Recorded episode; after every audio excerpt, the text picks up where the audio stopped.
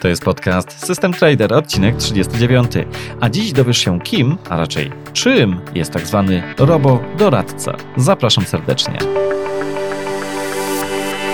Interesujesz się inwestowaniem na rynkach kapitałowych? Szukasz swojego sposobu na oszczędzanie i pomnażanie pieniędzy? Zastanawiasz się, jak postawić swoje pierwsze kroki na giełdzie? Ponadto fakty, mity, wywiady i ciekawostki ze świata finansów. To i wiele więcej usłyszysz w podcaście System Trader. Zaprasza Jacek Lempart. Przeciętna osoba zwykle nie myśli przyszłościowo o potrzebie regularnego budowania swojego kapitału, konsumując najczęściej wszystko na bieżąco, nierzadko posiłkując się jeszcze zaciągniętymi kredytami. Z drugiej strony, jeśli nawet chcemy budować swój kapitał z nadwyżek finansowych, często nie wiemy, jak się za to zabrać. I tak, niektórzy kierują strumień swoich pieniędzy na giełdę, która to wzbudza jednak skrajne skojarzenia. Od możliwości wypracowania super dużych i szybkich zysków, po możliwość utraty wszystkiego. Inni swoich szans poszukują, a jak żeby, na rynku nieruchomości, no bo tu podobno stracić nie można. A ceny mieszkań zdają się cały czas piąć w górę. Hmm, czy aby? Są i tacy, którzy lokują swoje ciężko zarobione pieniądze tylko na lokatach w banku, godząc się na to, że ich kapitał nierzadko wręcz traci na wartości po uwzględnieniu podatków i inflacji. Dziś rozmawiam z Michałem Maninem z firmy Finax. Jest to licencjonowany dom maklerski na Słowacji, oferujący usługę tzw. Tak robo-doradcy. Dzięki temu rozwiązaniu kapitał można zagonić do bardziej wytężonej pracy na rynkach kapitałowych, ale bez prób ich pobijania. Lokując pieniądze w niskokosztowych funduszach ETF, Finax hołduje idei tzw. Tak pasywnego inwestowania, co zaleca wielu najlepszych specjalistów na świecie. Mówiąc kolokwialnie, kopanie się z rynkowym bykiem, tudzież niedźwiedziem, sprawia, że statystycznie jesteśmy po przegranej stronie takiego pojedynku. Co to jest robodoradca? Jak to wygląda w praktyce i dlaczego wreszcie warto się tym zainteresować? To wszystko usłyszysz w mojej rozmowie z Michałem. Wcześniej jeszcze mały disclaimer. Sam otworzyłem konto w Finax i przelałem symboliczne 1000 euro, by móc sprawdzić ich ofertę w praktyce. Za kilka tygodni napiszę kilka słów o moich doświadczeniach i wrażeniach z ich usługi. Nie jest to jednak odcinek sponsorowany. A teraz już zapraszam na wywiad z Michałem. Cześć Michał, proszę przedstaw się, kim jesteś, co robisz, jakie masz doświadczenia na rynkach finansowych. Mm, cześć Jacek, witam wszystkich słuchaczy. Mam na imię Michał Manin, um, pracuję w firmie Finax i mm, jestem account managerem i także jestem odpowiedzialny za rozwój naszego biznesu w Polsce. Finansami, inwestowaniem interesuję się już od kilku lat. E, no tak naprawdę praca we Finax to, to, moja taka, mm, to moje takie pierwsze prawdziwe doświadczenie we finansach. No oczywiście, że założyciele Finax, moi szefowie, moi koledzy całą swoją karierę spędzili we, Finax, we finansach, czyli doświadczenie w tej firmie jest, jest, um, jest dużo. Rozumiem, a tak w ogóle ponieważ mówisz świetnie po polsku, ale słychać delikatny akcent. Y, z tego co wiem, jesteś ze Słowacji i chyba studiowałeś w Polsce, prawda? Mm, tak, tak. Mm, studiowałem w Polsce, w Krakowie na Jagiellonskim Uniwersytecie mhm. i potem jeszcze chwilę mieszkałem, czyli jakieś 7 lat spędziłem w Krakowie. A studiowałeś coś y, związanego z rynkami finansowymi, czy coś zupełnie innego? No, studiowałem stosunki międzynarodowe i e, specjalizacja e, była polityczna ekonomia, czyli no, trochę coś tam z gospodarki, trochę coś z ekonomii, trochę coś z polityki, e, jakieś tam języki obce. Rozumiem. E, dziś tak naprawdę spotykamy się po to, żeby porozmawiać o tak zwanych robodoradcach, po angielsku robo-advisor, e, bo to jest właśnie coś, czym specjalizuje się, w czym specjalizuje się Finax. E, proszę przybliż nam, skąd w ogóle się wziął pomysł na to, żeby właśnie zająć się taką branżą jak właśnie robodoradcy i co to w ogóle jest robodoradca, bo być może nie każdy wie, co to w ogóle jest pomysł, mm, dlaczego Finax e, mógłby być robodoradcem, pochodzi z głów moich szefów mm, Juraja Herbatego a Radosława Kasika. Oni są założycielami Finax. No i Juraj już więcej niż 15 lat, Rado już więcej niż 10 lat pracują we finansach i Przedtým, kiedy pracovali dla iných domov maklerských, robili aktívne zarządzanie aktywami swoich klientów. No i po tych kilku latach tak naprawdę odnalazłeś, że, mm, że aktywne zarządzanie jest bardzo trudne, mhm. że pomimo to, że każdy klient płaci tego menadżera, czyli płaci jakąś trochę wyższą opłatę za możliwość inwestowania, to aktywnie zarządzane fundusze tak naprawdę nie są w stanie przynieść jakąś tam edit value, czyli mm, jakiś, e, jakiś, jakąś wyższą stopę e, zwrotu niż jest średnia rynku, czyli niż to, co przyniesie e, indeks. No i moi szefowie akurát v tým samým čase dali vypovedzenie v, v tých domách maklerských, ktorých eh, pracovali, predtým neznališie. Uh-huh. Mhm. I spotkali šie zupełnie przypadkowo i kedy teda eh, zapoznali, že lepiej, to odnalazły, że teda mają bardzo podobne eh, podobnou perspektíve na investovanie, čili že investovanie povinno byť prosté, tanie komfortowe, czyli mm, że nie jest potrzebne mm, spotykać się e, z klientem, ale że klient może po prostu sobie inwestować z domu.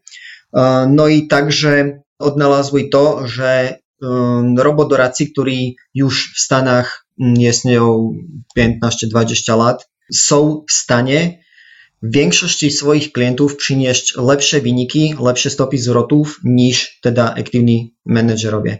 Czyli tak naprawdę um, studiowali uh, trochę rynek, ten zachodni, jakieś książki przeczytali i tak naprawdę odnalazły to, że pasywne inwestowanie poprzez uh, robo-advisorów uh, jest w stanie dać przeciętnemu klientowi, czyli jakiemuś tam klientowi detalicznemu lepszą stopę zwrotu niż jest fundusz inwestycyjny, taki ten klasyczny fundusz inwestycyjny.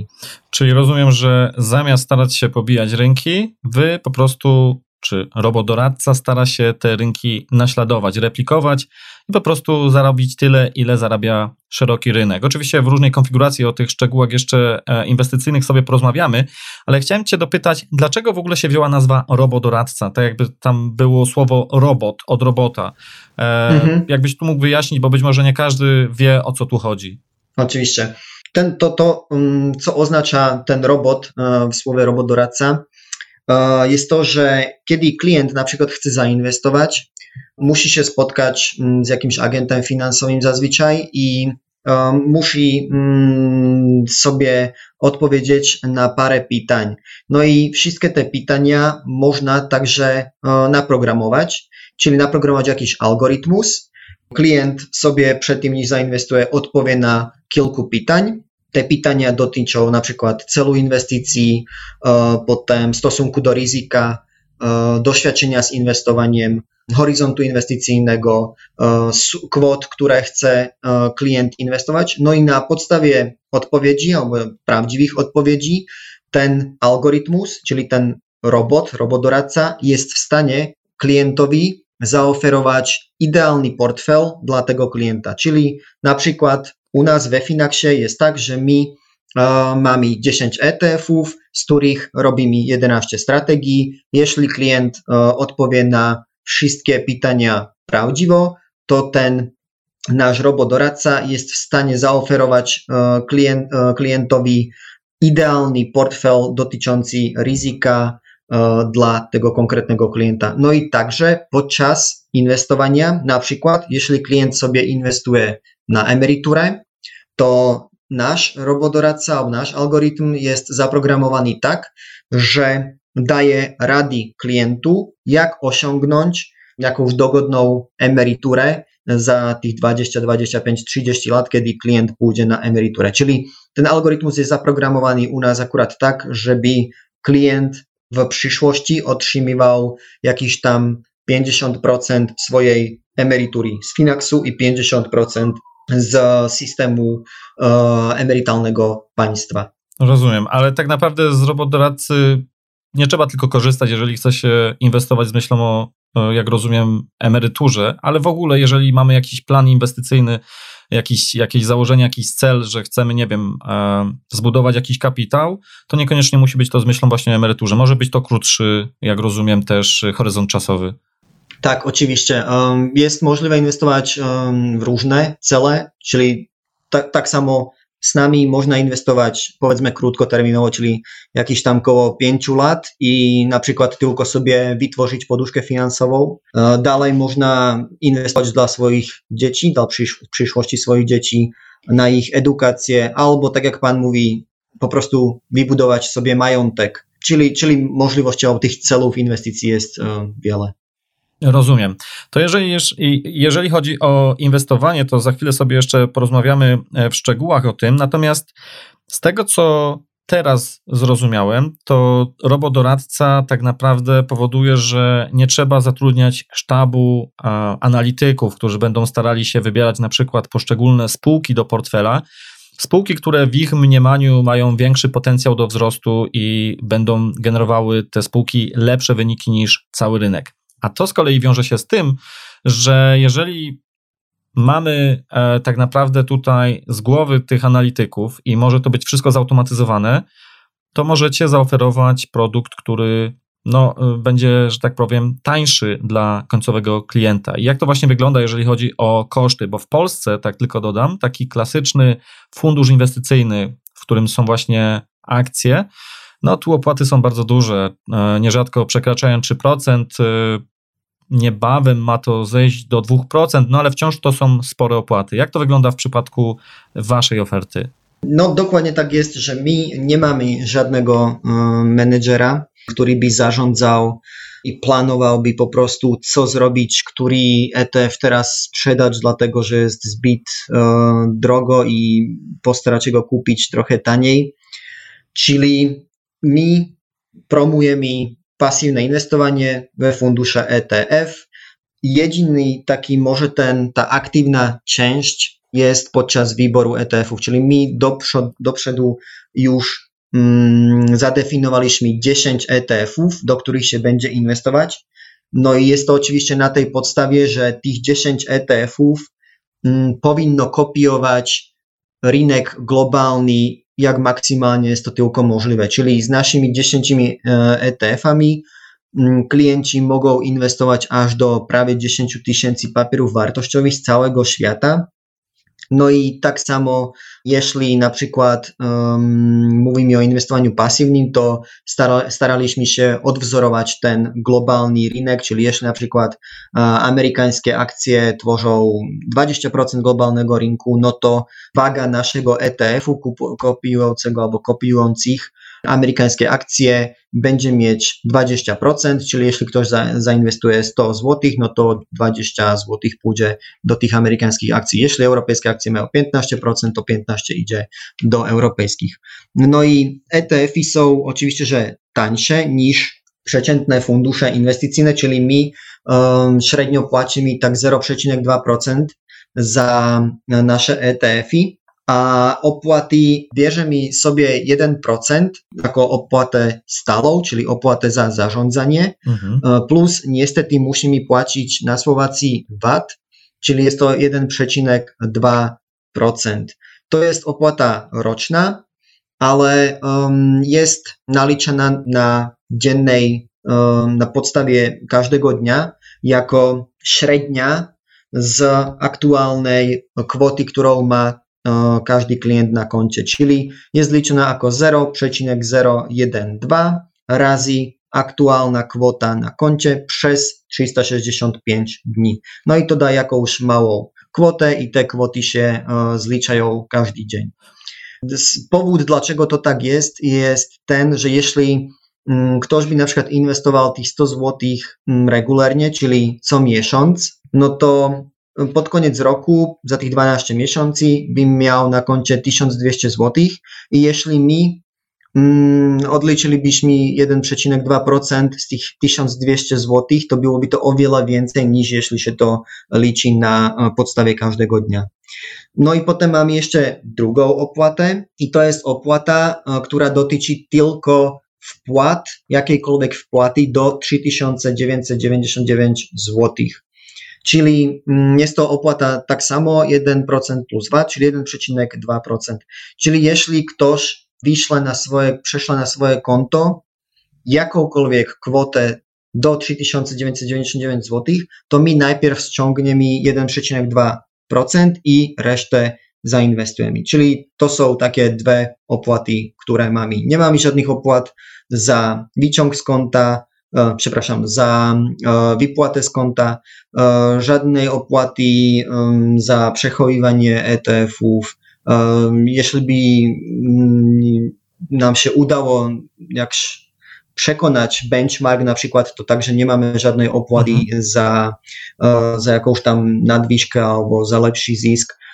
Tak samo mm, klienci sobie mogą raz na rok za darmo zmienić swoją strategię, czyli jeśli ktoś na początku zadecyduje się inwestować ze strategią 50 na 50, to nie musi zostać przy tej strategii do końca swojego życia. Po prostu raz na rok za darmo może sobie dostosować strategię, czyli to chyba wszystko, co dotyczy opłat. Rozumiem. To żeby tak podsumować, e, to z punktu widzenia klienta, jeżeli ktoś przyniesie do Was pieniądze i powiedzmy powie, proszę, tu jest 100 tysięcy złotych, to Wy pobieracie w sumie za zarządzanie, że tak powiem, 1,4%. No bo to jest oczywiście, tak. procent jest dla Was, 20% VAT-u, jak powiedziałeś, i przeciętnie 0,2 to jest za to, co pobierają e, dostawcy ETF-ów. Czyli e, jak przyszedłbym do Was i mówię, tutaj mam 100 tysięcy złotych, to w skali roku, jeżeli przez pełen, przez pełen rok bym inwestował u Was te pieniądze, to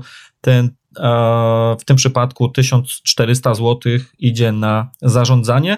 No mhm. i dodatkowo, jeżeli będę dopłacał do tego kapitału, ale będą to kwoty powyżej 4000 złotych, to wtedy nie ma żadnej opłaty. Gdyby e, była to kwota mniejsza, to wtedy 1,2%, jeśli dobrze zapamiętałem. Dokładnie tak. tak. Mhm. tak. tylko jeszcze wrócę do, do tego 1,4%, tak, to jest total expense ratio, ale to 0,2%, za które teda płaci mi za nasze ETF-y, które kupujemy, to on już jest wliczony um, w stopę, stopie zwrotu. Czyli tak naprawdę pobieramy 1,2% plus stopa zwrotu jest obniżona o 0,2% a total expense ratio jest mm 1,4%.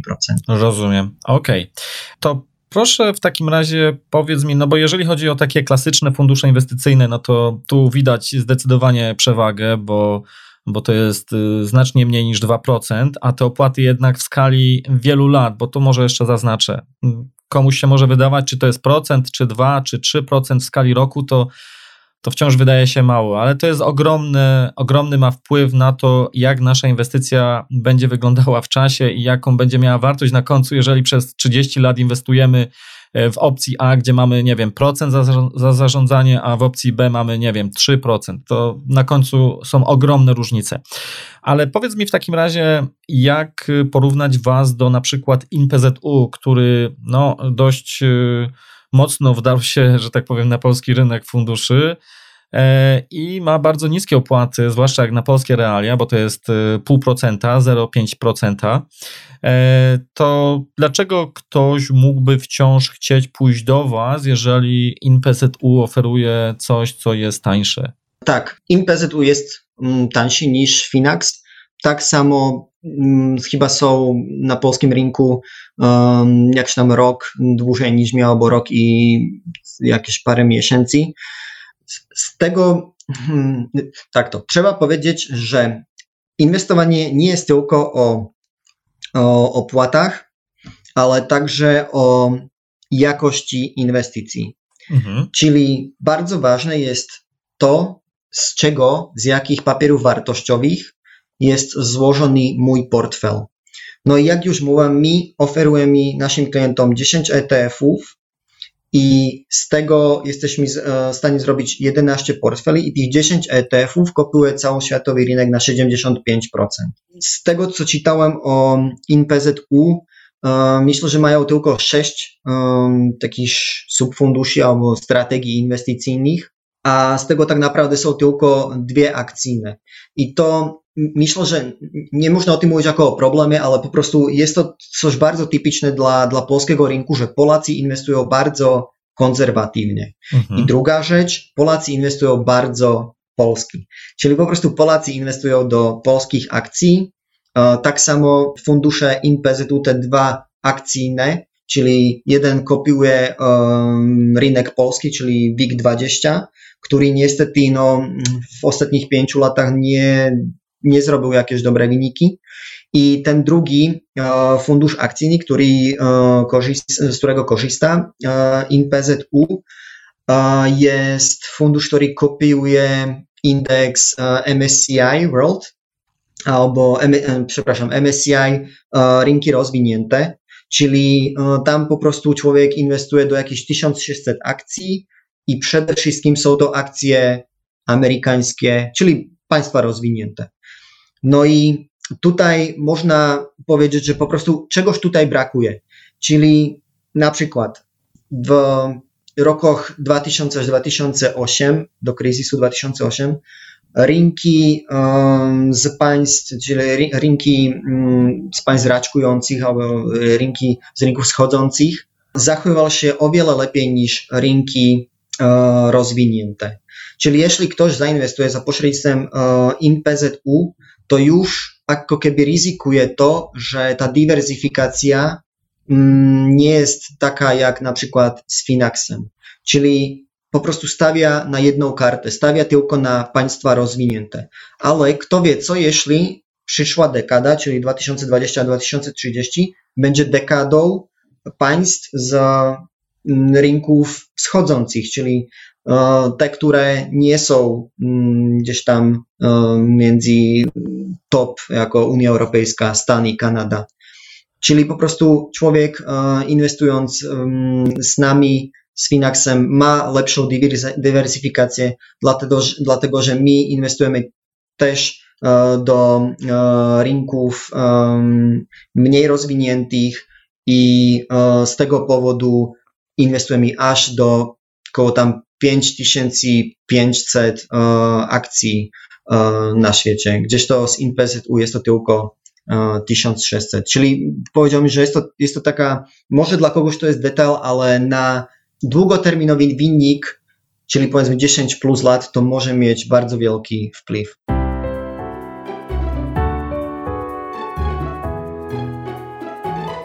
Wy korzystacie z ETF-ów, więc y, pojawia mi się tu jeszcze pytanie, może przede wszystkim zacznijmy od tego, jak ktoś jest w ogóle początkujący, czym jest ETF, bo już parę razy mówiliśmy o tych ETF-ach, a mhm. ktoś może jeszcze nie wiedzieć, co to jest ETF, a za chwilę dodam drugie pytanie, dlaczego ktoś w takim razie od razu sam e, bez e, z pominięciem was e, po prostu nie otworzy sobie rachunku brokerskiego i nie zacznie inwestować w te ETF-y.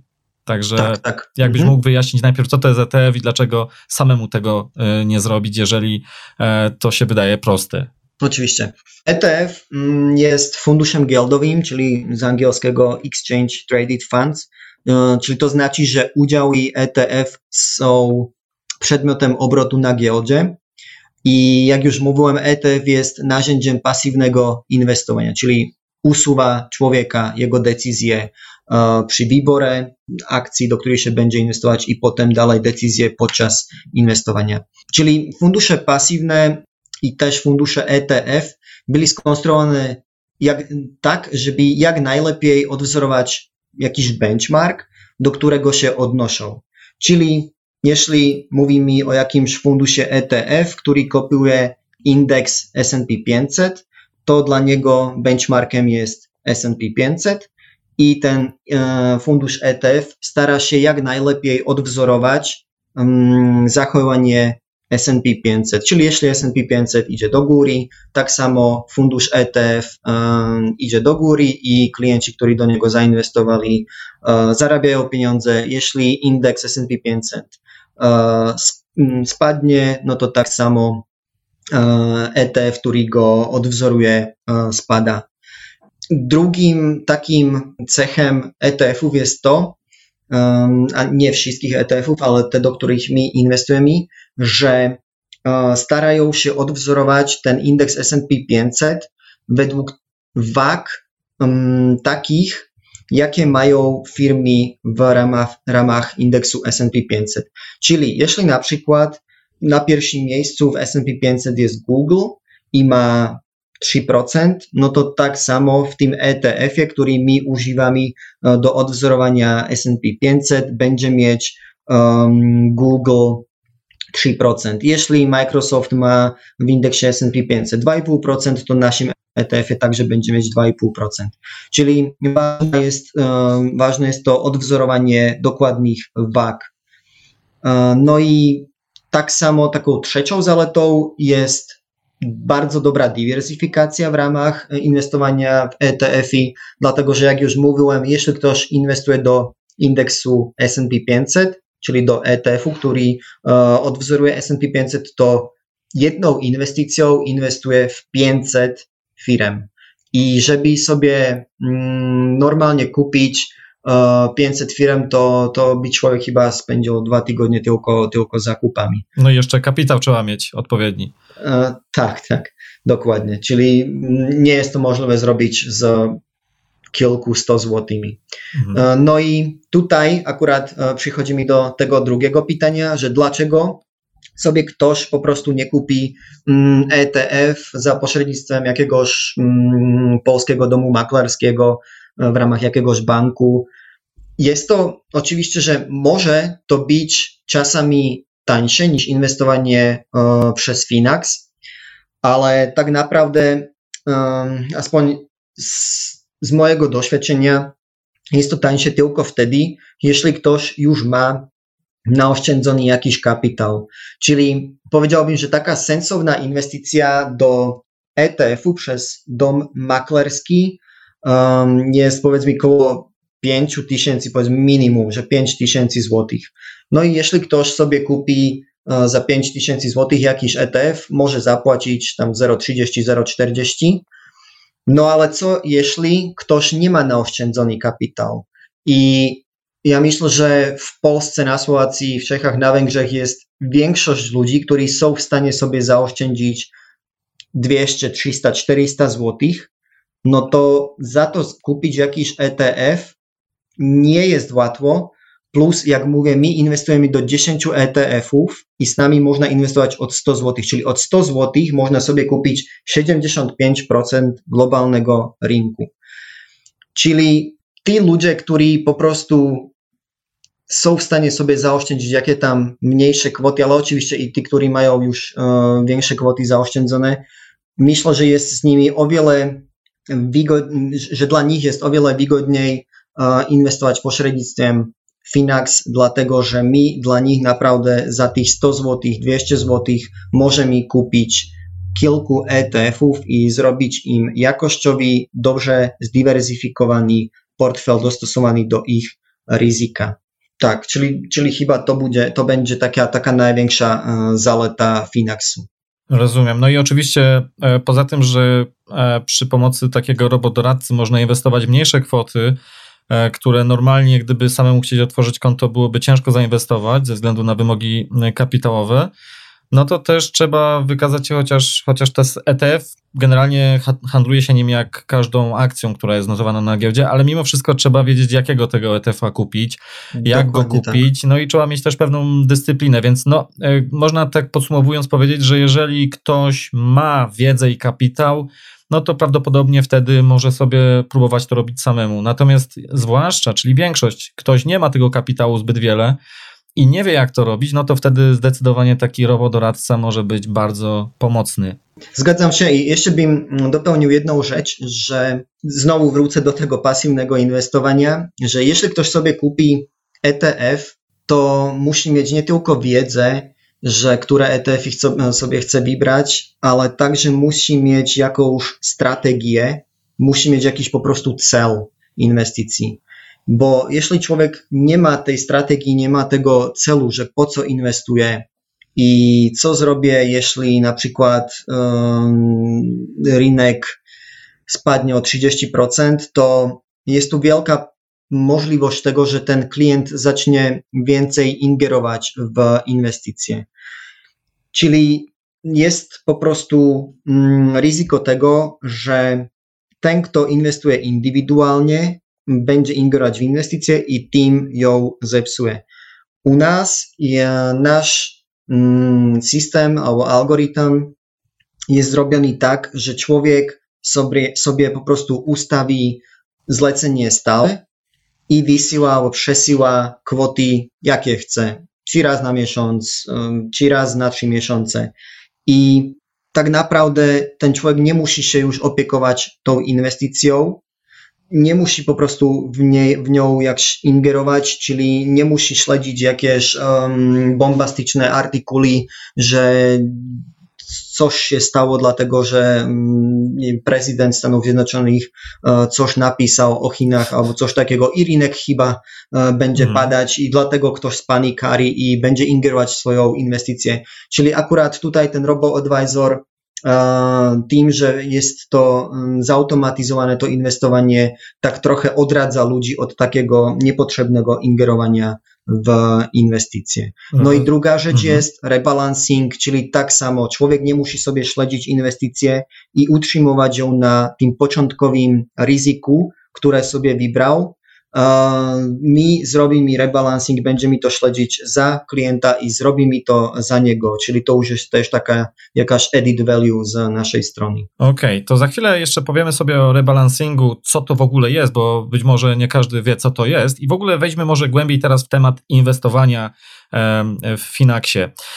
Wspomniałeś, że żeby dobrze inwestować, to trzeba mieć przede wszystkim strategię, trzeba mieć jakiś plan, za którym podążamy. Jak to wygląda, jeżeli chodzi o Finax? Bo z tego, co już zrozumiałem, to tu jest wybitnie podejście długoterminowe. To nie są krótkoterminowe spekulacje, że kupujecie dziś ETF, a jutro go sprzedajecie, e, staracie się łapać górki, dołki. W ogóle tu jest pasywne inwestowanie, więc tak naprawdę de facto wykupujecie i staracie się po prostu z tym rynkiem płynąć. Natomiast jest coś takiego jak tak zwane modelowe portfele, e, czyli takie portfele, które mówią, że e, na przykład e, powinno się mieć 30% złota, 30% akcji i tak dalej, i tak dalej, obligacje, może jakiś rynek towarowy. I na przykład takim bardzo popularnym, dobrze znanym portfelem, tak zwanym modelowym jest portfel ikony, że tak powiem, inwestowania, czyli Rea Dalio. Ten portfel nazywa się All Weather. No, no, ale jest też szereg innych portfeli, jak chociażby Davida Swensena czy e, Harry Brownie. Czy wy stosujecie coś takiego, czy też e, to, co wy robicie, co robi Finax, e, jest całkowicie autorskie? No, da się powiedzieć, że jest to, jest to autorskie, czyli Oczywiście mm, Ray Dalio jest naprawdę wielką ikoną inwestowania. To, że jest w stanie osiągnąć jakieś tam 12% per annum, czyli pobijać rynek praktycznie co roku, to jest coś niesamowitego. E, z drugiej strony, ale jest to trochę w przeciwieństwie z tą ideą pasywnego inwestowania. Czyli my, kiedy mm, budowaliśmy nasze strategie, kiedy na przykład decydowaliśmy o ETF-ach, w które będziemy inwestować, to oczywiście, że zrobiliśmy jakieś kryteria, na podstawie których ich wybierzemy i jednym z tych głównych kryterii, jak już mówiłem, było to, żeby mm, mieli nasi klienci możliwość maksymalnej dywersyfikacji, czyli żeby mogli, mogli inwestować praktycznie do całego rynku, czyli mm, do globalnego rynku. No i tu nam się udało na 75 e, procent inwestować do globalnego rynku. Czyli to jest taki ten najważniejszy faktor, żeby te wagi w ramach globalnego rynku, czyli na przykład wagi sektorowe albo wagi regionalne mieli um, taką samą proporcję, jak to jest w rzeczywistości. Rozumiem, czyli nie wykorzystujecie takich gotowych, modelowych portfeli, tylko e, tak naprawdę dopasowywany jest portfel pod wymagania konkretnego klienta, do jego poziomu awersji do ryzyka i wtedy po prostu e, przyjmując pewien poziom ryzyka, mówicie, że na przykład y, będzie 70% akcji w portfelu, a 30% w jakieś bezpieczne obligacje. Jeżeli ktoś jest powiedzmy bardziej agresywny, albo ktoś będzie miał wręcz 100% obligacji, jeżeli e, jego poziom do e, awersja na ryzyko jest bardzo, bardzo, e, bardzo wysoka. Dokładnie tak, tak. Czyli jeśli klient mm, w kwestionariuszu na początku rejestracji odpowie prawdziwo na różne pytania, to ten algorytmus mu wybierze taki portfel, który jest dostosowany do jego do stosunku do ryzyka, do mm, jego doświadczenia z inwestowaniem. No i też oczywiście wy nie staracie się analizować rynku, to znaczy, bo mówi się, że te obligacje są bezpieczne, I tak historycznie większość e, czasu było. Mówimy tu o obligacjach głównie takich e, wysokiej, wysokiej jakości, obligacjach rządowych krajów, które są wiarygodne, albo dobrej jakości obligacji korporacyjnych, ale ponieważ stopy procentowe są niskie, no to teraz wielu się głowi, co będzie w przyszłości, jak te stopy procentowe zaczną rosnąć, bo dla tych, którzy może nie wiedzą, w momencie, kiedy stopy procentowe będą szły w górę, no to wtedy wycena tych obligacji będzie spadać. Ale rozumiem, że wy po prostu w ogóle sobie tym nawet głowy nie zaprzątacie, bo nie staracie się w żaden sposób reagować na to, co robi rynek, tylko myślicie bardzo długoterminowo. Dokładnie, dokładnie tak. Czyli, no jak pan mówi, że nie staramy się uh, robić jakieś predykcje, czyli już by to znowu było jakąś częścią aktywnego mhm. zarządzania i tak naprawdę myślę, że mm, zrobilibyśmy tym więcej mm, złego niż, niż dobrego. Czyli jeśli na przykład popatrzymy z długoterminowej perspektywy 30, ostatnich 30 lat, to wiemy, że na przykład amerykańskie akcje rosną per annum tam około 10%, czyli jesteśmy powiedz mi, zadowoleni z tego, z tych 10%.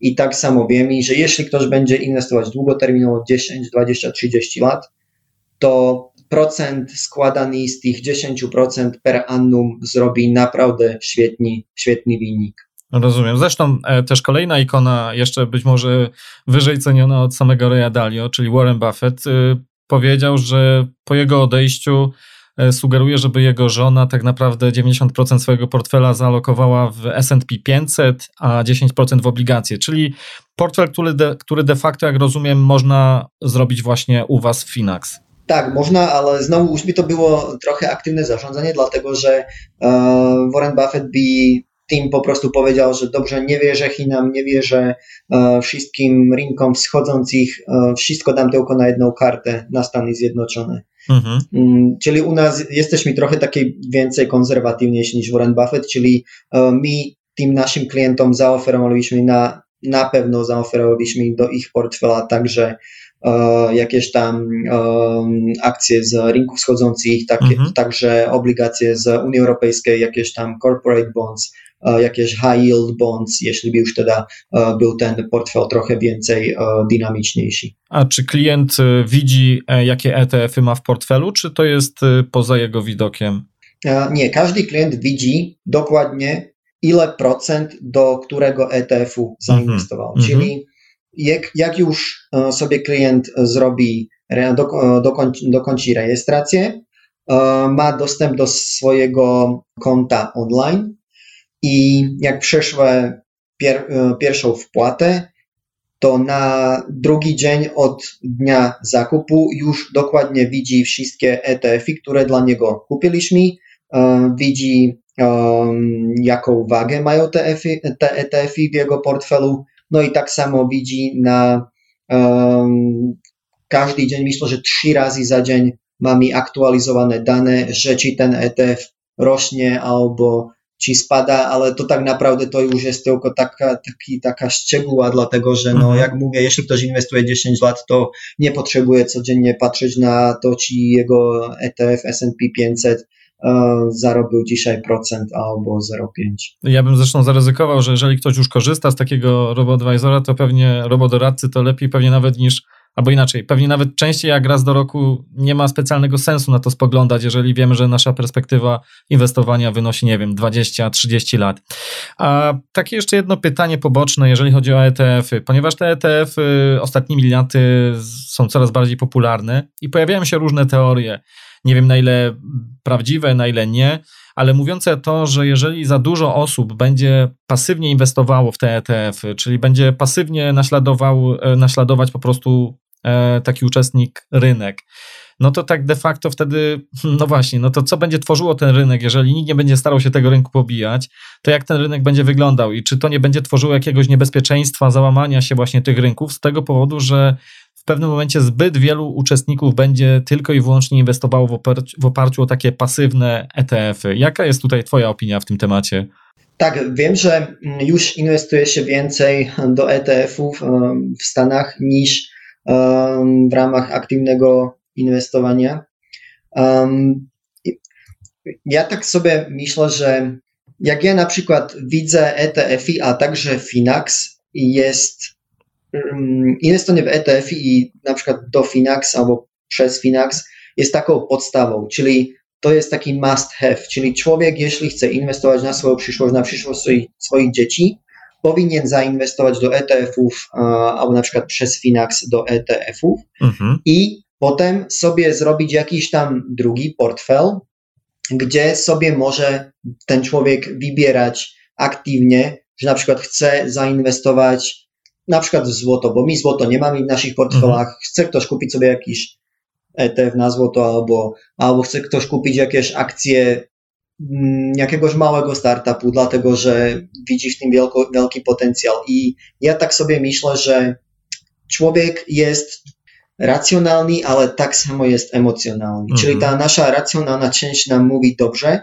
Tutaj są jakieś ETF-y, które odwzorują rynek i dają mi na 99% to, co daje rynek, czyli jakiś tam, no jeśli jest 100% akcjowy portfel, to jakieś 10% per annum. Ale w tym samym czasie jest człowiek emocjonalny, a tak samo no, jesteśmy, bym powiedział, w miarę inteligentni, Czyli staramy się jakś tam mm, przekonać e, ten rynek, albo staramy się aktywnie inwestować i przekonać rynek, dlatego, dlatego że sami o sobie myślimy, że damy rady.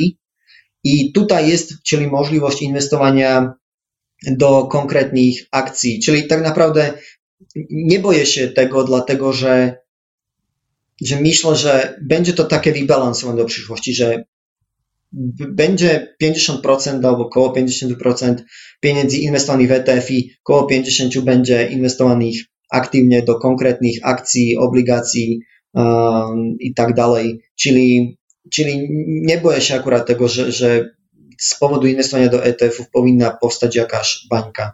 Rozumiem. Zresztą tak mi się też przypomniało, co prawda nieco poboczny temat, że Daniel Kahneman, czyli noblista z dziedziny psychologii finansów behawioralnych, powiedział, e, że jeżeli ktoś chce lepiej podejmować swoje decyzje, to lepiej, aby robił to w oparciu o algorytmy.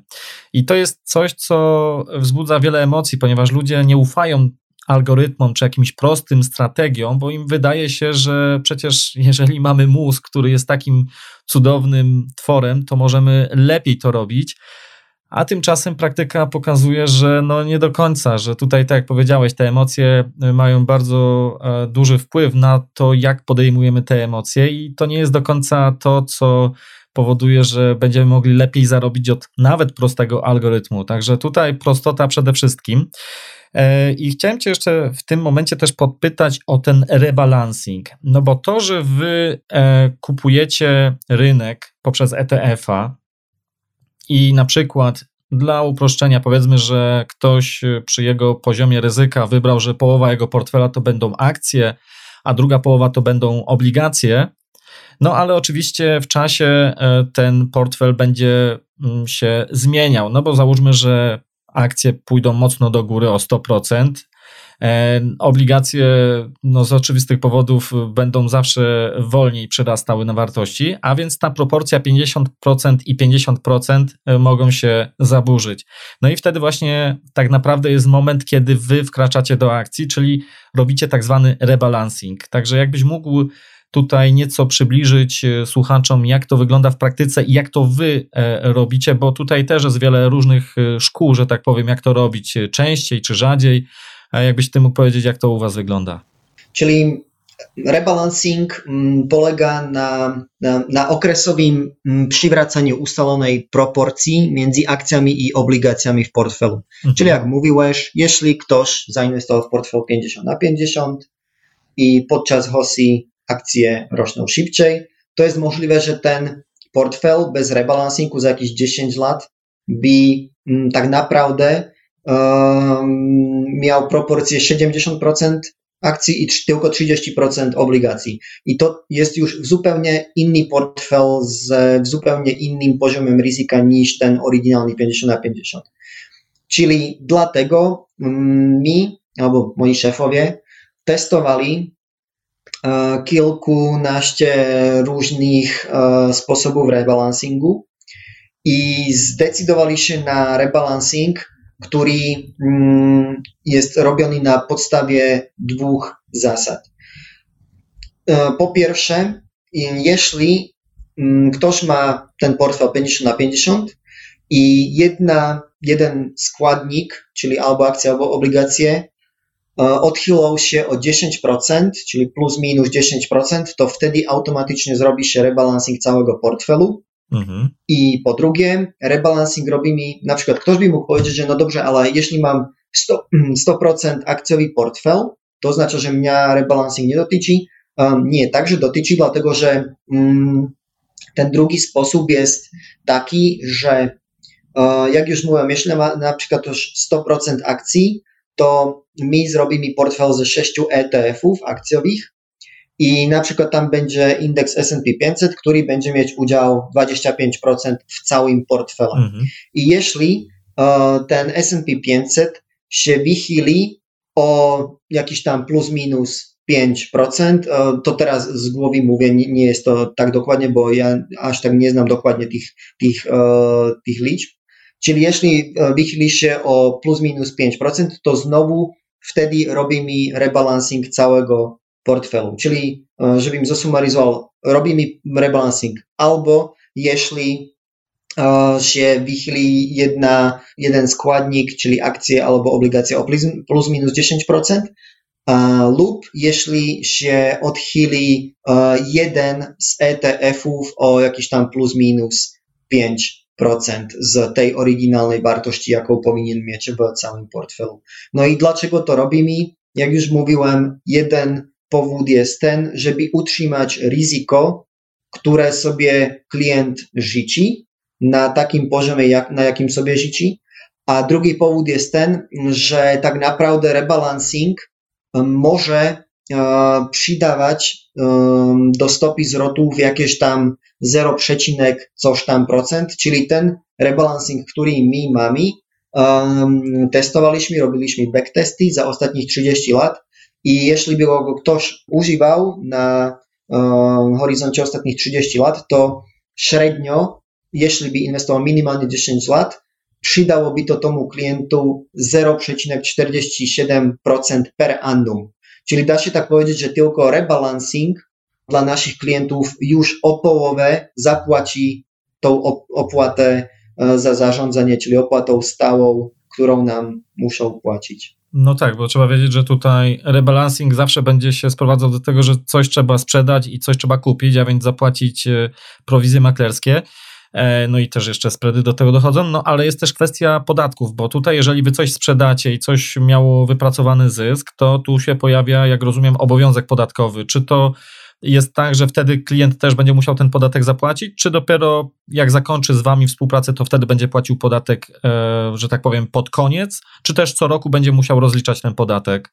No niestety w Polsce jest tak, że jak mówisz, jeśli mm, zrobi mi jakąś sprzedaż, to musi klient zapłacić podatek. Mhm. Czyli jak mówiłem, jeśli mm, mi sprzeda mi 10% z portfela klienta, dlatego że akcja albo obligacje mogą się odchylić o plus minus 10%, no to niestety potem będzie musieć e, zapłacić klient podatek ze zysku, czyli 19% z tej małej części, tych 10% całego swojego portfela, czyli no, ten podatek no, zależy od sumy, jaką kto inwestuje, nie powinien być jakiś duży. No i potem oczywiście, jeśli dochodzi do sprzedaży całkowitej albo częściowej inwestycji klienta, no to wtedy e, tak samo musi się płacić podatek belki 19%. My e, już pracujemy z jedną firmą IT, z którą teda współpracujemy od początku, e, Finax, na tym, żeby mm, zautomatyzować PIT 8C, mhm. czyli będzie mi aspoň w taki sposób pomagać naszym polskim klientom, że wszystko już będą mieć przedwypełnione i po prostu o to będą mieć potem e, łatwiej z podatkami. No i potem jeszcze jedna, e, jedna kwestia i to podatki od dywidend. My akurat wybraliśmy ETF-i, e, które nie wypłacają dywidendy, ale które ją reinwestują, czyli na szczęście nie muszą nasi polscy klienci potem co roku podawać podatki. Rozumiem, czyli te ETF-y, które czy to są akcyjne, czy obligacyjne, jeżeli one wypłacają te spółki, czy te obligacje wypłacają jakieś kupony odsetkowe, czy dywidendowe, to one są tak naprawdę akumulowane wewnątrz tego ETF-u, a więc de facto nie ma tutaj podatku. Poza tymi podatkami takimi, no nie wiem, jak w Stanach Zjednoczonych spółki zawsze tam jak wypłacają dywidendę, to i tak te 15% będzie zdjęte, ale nie ma tego obowiązku podatkowego e, w miejscu rezydencji podatkowej inwestora, czyli na przykład w Polsce. Tak, tak. Ale czy to też oznacza, jeżeli chodzi o ten rebalancing, że jeżeli w danym roku, bo to nie musi być tak, że każdego roku ten rebalancing będzie, bo tak naprawdę to też tak algorytm decyduje, czy ten rebalancing jest potrzebny, czy nie. Jeżeli są dopiero pewne progi osiągnięte, to ten rebalancing się uruchamia. Jeżeli w konkretnym, w danym roku nie byłoby rebalancingu, to nie ma żadnego podatku do uregulowania, jeśli dobrze rozumiem, na picie. Dokładnie tak. Mhm. tak. E, nam wychodzi, że ten rebalancing, jako, tak jak pan mówi, my nigdy do przodu nie wiemy, że kiedy będziemy robić rebalancing. Na razie mm, jest nimi rok i 10 miesięcy i jeszcze żadnemu z naszych 3,5 tysięcy klientów nie zrobiliśmy rebalancingu. E, wiem, że już tam ktoś był, że prawie, prawie, ale jeszcze, jeszcze nie, jeszcze nie osiągliśmy te progi. Czyli wychodzi nam, że ten rebalancing robi się tak raz, średnio raz na dwa lata, ale może nawet jeszcze trochę mniej, czyli raz na dwa i pół roku. Porozmawiajmy jeszcze chwilę o tym, jak to wygląda, e, jeżeli ktoś chce zainwestować u Was pieniądze, to jaka jest w ogóle minimalna kwota inwestycji? Bo mówiliśmy na początku, że tutaj pewnym atutem właśnie robodoradcy jest to, że te wymogi e, mogą być mniejsze, czyli nie tak jak u niektórych brokerów, zwłaszcza za granicą, trzeba czasami mieć, nie wiem, nawet 10 tysięcy dolarów, co dla kogoś może być dużym e, problemem. To u Was jaki jest minimalny próg, e, żeby móc zacząć inwestować i budować kapitał? No dokładnie. Po, pomysł, no bo z, jednych, z jedną z takich idei, dlaczego moi szefowie zrobili Finax, było to, żeby udostępnili inwestowanie dla wszystkich, czyli z tego powodu u nas można inwestować już od 100 zł um, miesięcznie albo 100 mhm. zł jednorazowo.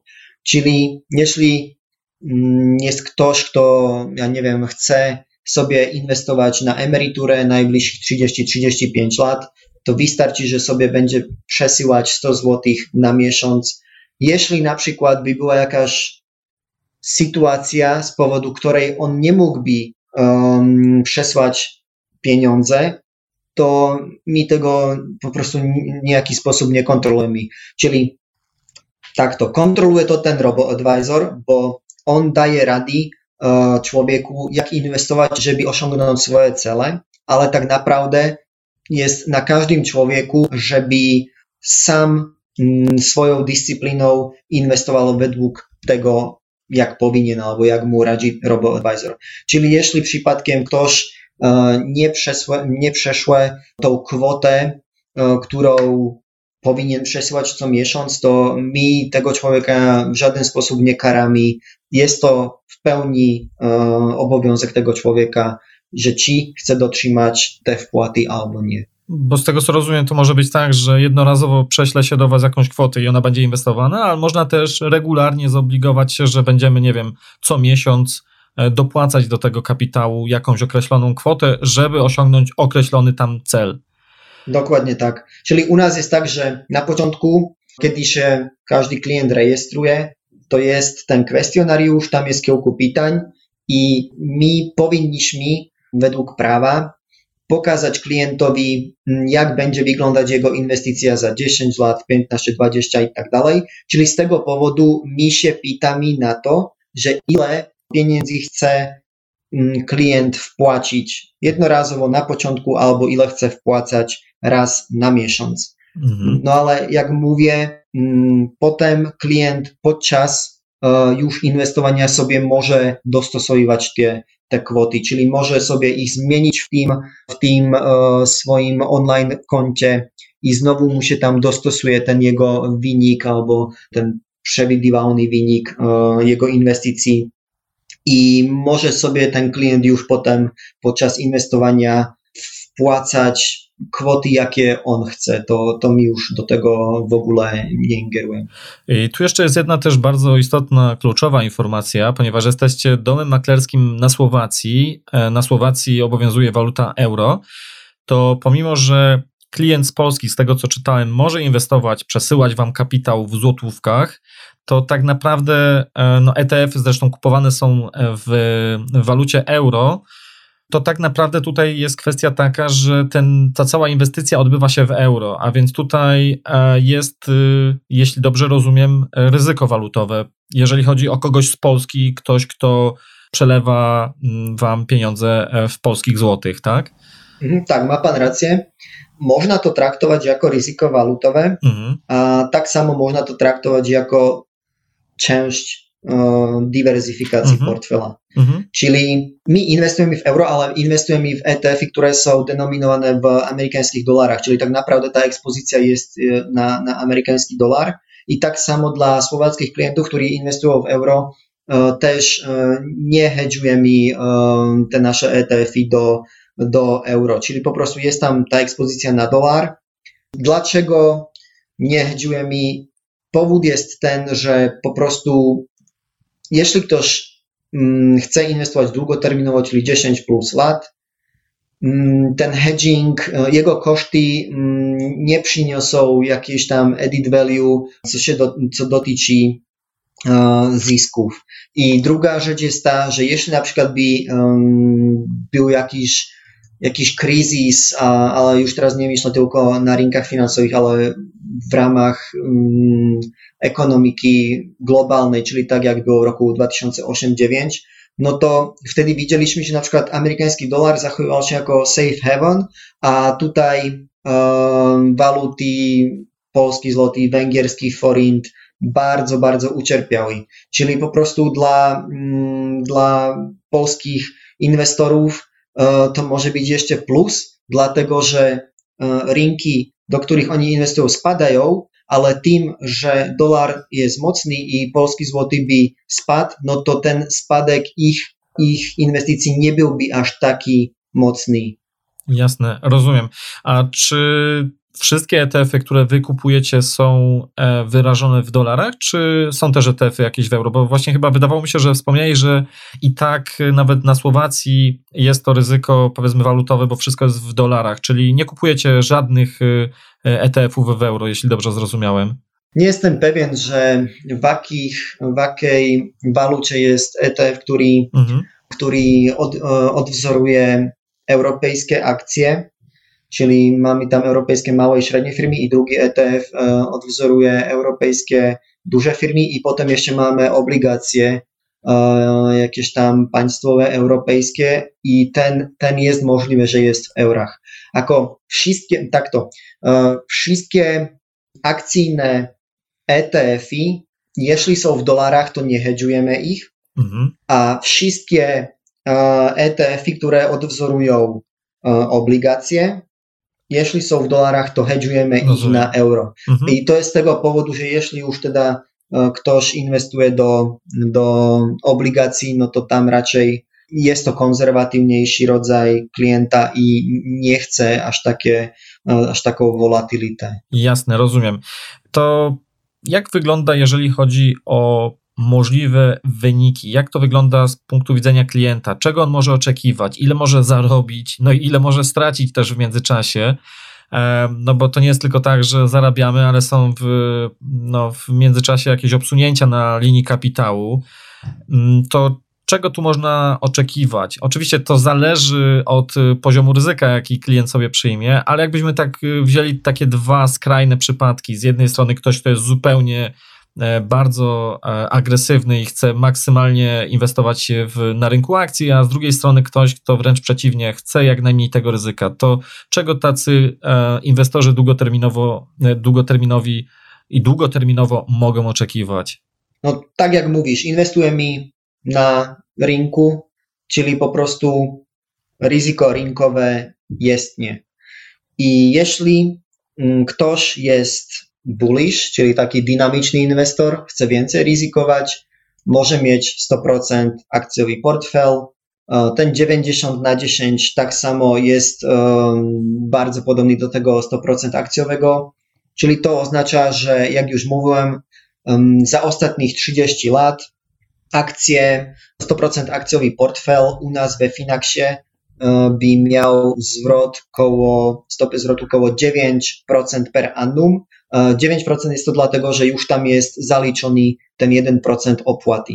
Czyli przed tym mówiłem, że jest to 10% per annum, ale tak naprawdę u nas we Finax, jeśli już zaliczymy opłatę za zarządzanie, to jest to około 9% per annum. Mhm. No i jeśli jest ktoś konserwatywny, mm, chce mieć konserwatywny portfel, czyli powiedzmy 100%, 90% albo 80% obligacji, no to tam te, te zyski są oczywiście, że niższe, ale stale, no ja bym powiedział, że taki ten portfel 20% akcji, 80% obligacji ma sensu. I nie tylko, że ochroni klienta przed spadkami, a przed inflacją, ale także przyniesie mu i jakiś zisk. Jeśli ktoś inwestuje 100% do obligacji, no to jego zisk będzie naprawdę, że, że minimalny. Tam już raczej chodzi tylko o ochronę, ochronę przed inflacją. No i te spadki, tak jak pan mówi, jeśli by ktoś z nami inwestował, albo jeśli by Finax istniał 10-11 lat temu, no to jeśli ktoś inwestuje 100% albo jakś dynamicznie w akcje, no to musi oczekiwać takie, takie spadki, jak byli w roku 2001 albo 2008, czyli około 50%. Jasne, rozumiem. Wielkie dzięki, Michał. Powoli zbliżamy się do końca tego wywiadu, ale mam jeszcze takie pytanie, które jestem pewien nurtuje wielu potencjalnych inwestorów. E, jesteście domem maklerskim zarejestrowanym w, na Słowacji. Z tego co wiem, e, operując na rynku polskim, macie również odpowiednie pozwolenia z polskiego nadzoru finansowego, e, z KNF-u. Ale co się dzieje, jeżeli byłyby jakieś turbulencje, że tak powiem? To z jednej strony, nie wiem, bank by zbankrutował, z drugiej strony wy byście zbankrutowali. Jak, mówiąc krótko, kapitał klientów jest zabezpieczony? Tak, tak, jest to, jest to bardzo częste pytanie. W przypadku, w przypadku naszego bankructwa tam akurat nie jest żadne ryzyko dla naszych klientów. Dlaczego? Dlatego, że E, jak już mówiłeś, jesteśmy, jesteśmy domem maklerskim i jako dom maklerski mamy obowiązki, a prawa. Jednym z takich naszych obowiązków i praw jest tworzenie rachunków majątkowych naszych klientów. Czyli jeśli nasz klient przeszły jakąkolwiek kwotę do Finaxu, to my dla niego tworzymy rachunek majątkowy, które jest napisan, który jest napisany na imię i nazwisko i PESEL konkretnego klienta. E, tak samo, jeśli już kupimy za gotówkę e, jakieś ETF-y dla naszego klienta, to e, tak samo robimy rachunek majątkowy w brytyjskich bankach, gdzie są ETF-y trzymane na imię, nazwisko i PESEL konkretnego klienta. Czyli to oznacza, że jeśli Finax zbankrutowałby, to te pieniądze, te ETF-y w ogóle nie wchodzą w bilans firmy Finax. Mhm. Czyli to oznacza, że ten majątek klientów jest niedotknięty i jeśli Finax by zbankrutował, Narodowy Bank Słowacji jako nasz regulator ogłosiłby konkurs. Podczas konkursu um, zdecydowałby o jakimś tymczasowym Mm, domę maklerskim, który by zarządzał środki naszych klientów, a ich ETF-y i każdy klient ma prawo podczas konkursu poprosić ten tymczasowy e, dom maklerski o sprzedaż ETF-ów i potem o przesłanie na swoje konto bankowe. I potem, jeśli by e, był koniec konkursu, byłby jakiś e, zwycięzca, czyli znowu jakiś nowy dom maklerski, E, to znowu każdy jeden klient ma prawo do 30 dni zdecydować się, czy chce kontynuować inwestowanie z tym nowym domem maklerskim, albo czy chce wybrać e, swoje środki i wypłacić ich na swoje konto bankowe. Żebym, jeszcze jedną ważną rzecz, żebym powiedział, mi jako Finax jednym z takich wielkich sukcesów w tym roku jest to, że otrzymaliśmy ładną inwestycję od jednego z najbogatszych Słowaków, od pana Iwana Chrenka. Może ktoś w Polsce go zna, dlatego że e, jeśli mm, może przede wszystkim warszawiacy chodzą po, po mieście, to mm, się buduje najwyższy budynek w Polsce, a myślę, że także w Europie, Barso Place. To pan Chrenko jest współwłaścicielem firmy Haber Avis. E, no i także ma e, jeden venture fundusz, który do nas zainwestował półtora miliona euro, czyli po prostu te pieniądze są tylko na nasz rozwój i na razie nie mamy teda jakieś, jakieś problemy z finansami, czyli po prostu mm, nie chodzi w ogóle w grę jakieś bankructwo, dlatego że te pieniądze nam powinny wytrzymać na kilku lat i potem już jest naplanowane tak, że będziemy w plusie i będziemy się bez problemu finansować sami. I jeszcze e, druga rzecz e, w ramach tej ochrony klientów, e, ich majątku, Znowu Finax jako dom maklerski ma powinność, obowiązek być na Słowacji częścią systemu gwarancji depozytów za pośrednictwem funduszu gwarancji inwestycyjnych. Ten fundusz chodzi w grę w przypadku niedostępnego majątku.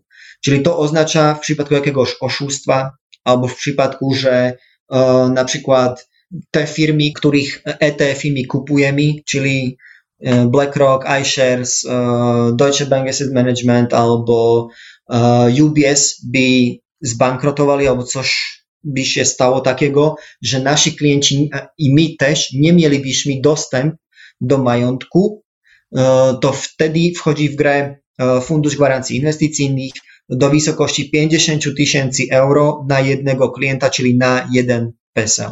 Rozumiem. Super. Wielkie dzięki, Michał, za wszystkie informacje. Powiedz mi, czy jeszcze jest coś, co chciałbyś powiedzieć? A właśnie, jeszcze mi przyszło jedno pytanie do głowy, jeśli pozwolisz. Czy jest możliwe, żebyś powiedział, jaki macie w tym momencie kapitał pod e, zarządzaniem? Czy to jest y, informacja, której możesz udzielić? Mhm.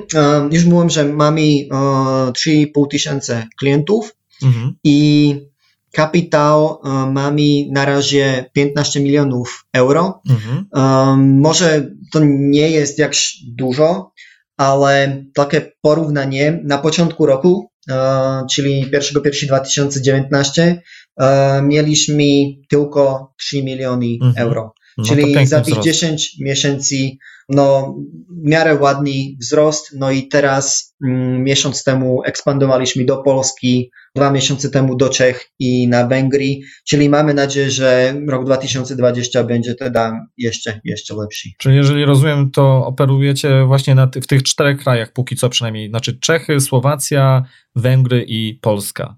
Tak, tak, na razie te cztery państwa. Na pewno w przyszłym roku, chyba pierwszy kwartał przyszłego roku idziemy do Chorwacji. Mhm. A także mm, mamy w planie spróbować rozkręcić nas, nasz biznes na Ukrainie. Rozumiem. Okej, okay. czy jest jeszcze coś, co chciałbyś dodać na zakończenie może? Czy, o co może ja nie zapytałem? Ani nie, myślę, że, myślę, że e, pytania były bardzo dobre i że omówiliśmy naprawdę, naprawdę mm. dużo tego. E, no pod koniec, no chcę Ci podziękować za tą rozmowę, także słuchaczom. No i chcę zaprosić e, słuchaczy na naszą stronę finax.sk ukośnik.pl. Mhm. A jeszcze zupełnie pod koniec chcę przypomnieć, przypomnieć że e, na razie oferujemy dla naszych polskich klientów e, zniżkę, czyli konkretnie pierwszych 100 polskich kont e, będziemy zarządzać bez opłaty za zarządzanie, e, czyli bez opłaty stałej do końca roku 2020 e, za darmo. Mhm. To ja jeszcze też dodam ze swojej strony, że właśnie otworzyłem sobie konto u Was, ponieważ chciałem sam wytestować, więc myślę, że za jakiś czas będę więcej w stanie powiedzieć, podzielić się ze słuchaczami swoimi własnymi e, wrażeniami, jak to wygląda.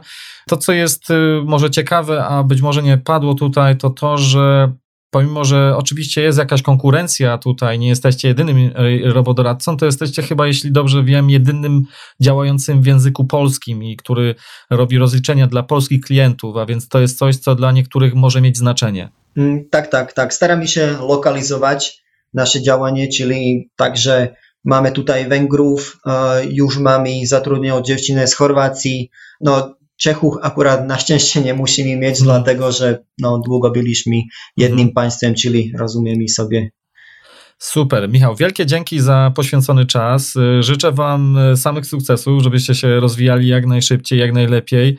I myślę, że to będzie taka obopólna korzyść też dla klientów wówczas, jak będą mogli dzięki Wam e, pomnażać swój kapitał. Także bardzo serdecznie dziękuję i życzę wszystkiego dobrego. Pozdrawiam. Także dziękuję. Pozdrawiam. Cześć. Trzymaj się, cześć. Dziękuję za wysłuchanie mojej rozmowy z Michałem. Mam nadzieję, że teraz już lepiej rozumiesz ideę pasywnego inwestowania z pomocą tak zwanego robodoradcy. Nie ma w tym tak naprawdę nic skomplikowanego, wręcz przeciwnie. W porównaniu do takiego klasycznego funduszu e, inwestycyjnego, aktywnie zarządzanego, tam mamy sytuację czarnej skrzynki. My tak naprawdę nie wiemy, co zarządzający robią. Natomiast w przypadku robodoradcy cały proces inwestowania jest bardzo prosty i bardzo przejrzysty i to nawet dla osoby, która niespecjalnie ma pojęcie o rynkach finansowych. I to według mnie jest ogromną zaletą robodoradców. Nie znaczy to jednak, że takie rozwiązanie jest idealne dla każdego, bo jeśli ktoś chce budować swój portfel inwestycyjny, ale jest przy tym doświadczonym inwestorem, ma też większy kapitał w zanadrzu, to myślę, że robodoradca niekoniecznie musi być optymalnym rozwiązaniem. Zwyczajnie po prostu w takiej sytuacji możesz zrealizować podobną strategię jak robodoradca, tyle że sam, po drodze ponosząc mniejsze koszty, a w perspektywie lat pozwoli to wszystko wypracować większe zyski. Możesz też pokusić się o bardziej wyszukaną strategię inwestowania, jak chociażby takie, jak prezentuję u siebie na stronie. Tyle, że to wszystko oczywiście wymaga już y, większej pracy i zaangażowania z Twojej strony. Natomiast jeśli jesteś osobą, która nie ma tej wiedzy o rynkach finansowych, jeżeli jesteś osobą, która nie chce, że tak powiem w cudzysłowie, emigrować za granicę ze swoim inwestycyjnym portfelem, nie dysponujesz odpowiednio dużym kapitałem, ale chcesz jednak regularnie zacząć budować swój portfel z ekspozycją na światowe rynki, to tu zdecydowanie rozwiązanie takie jak chociażby Finax może być interesującą propozycją.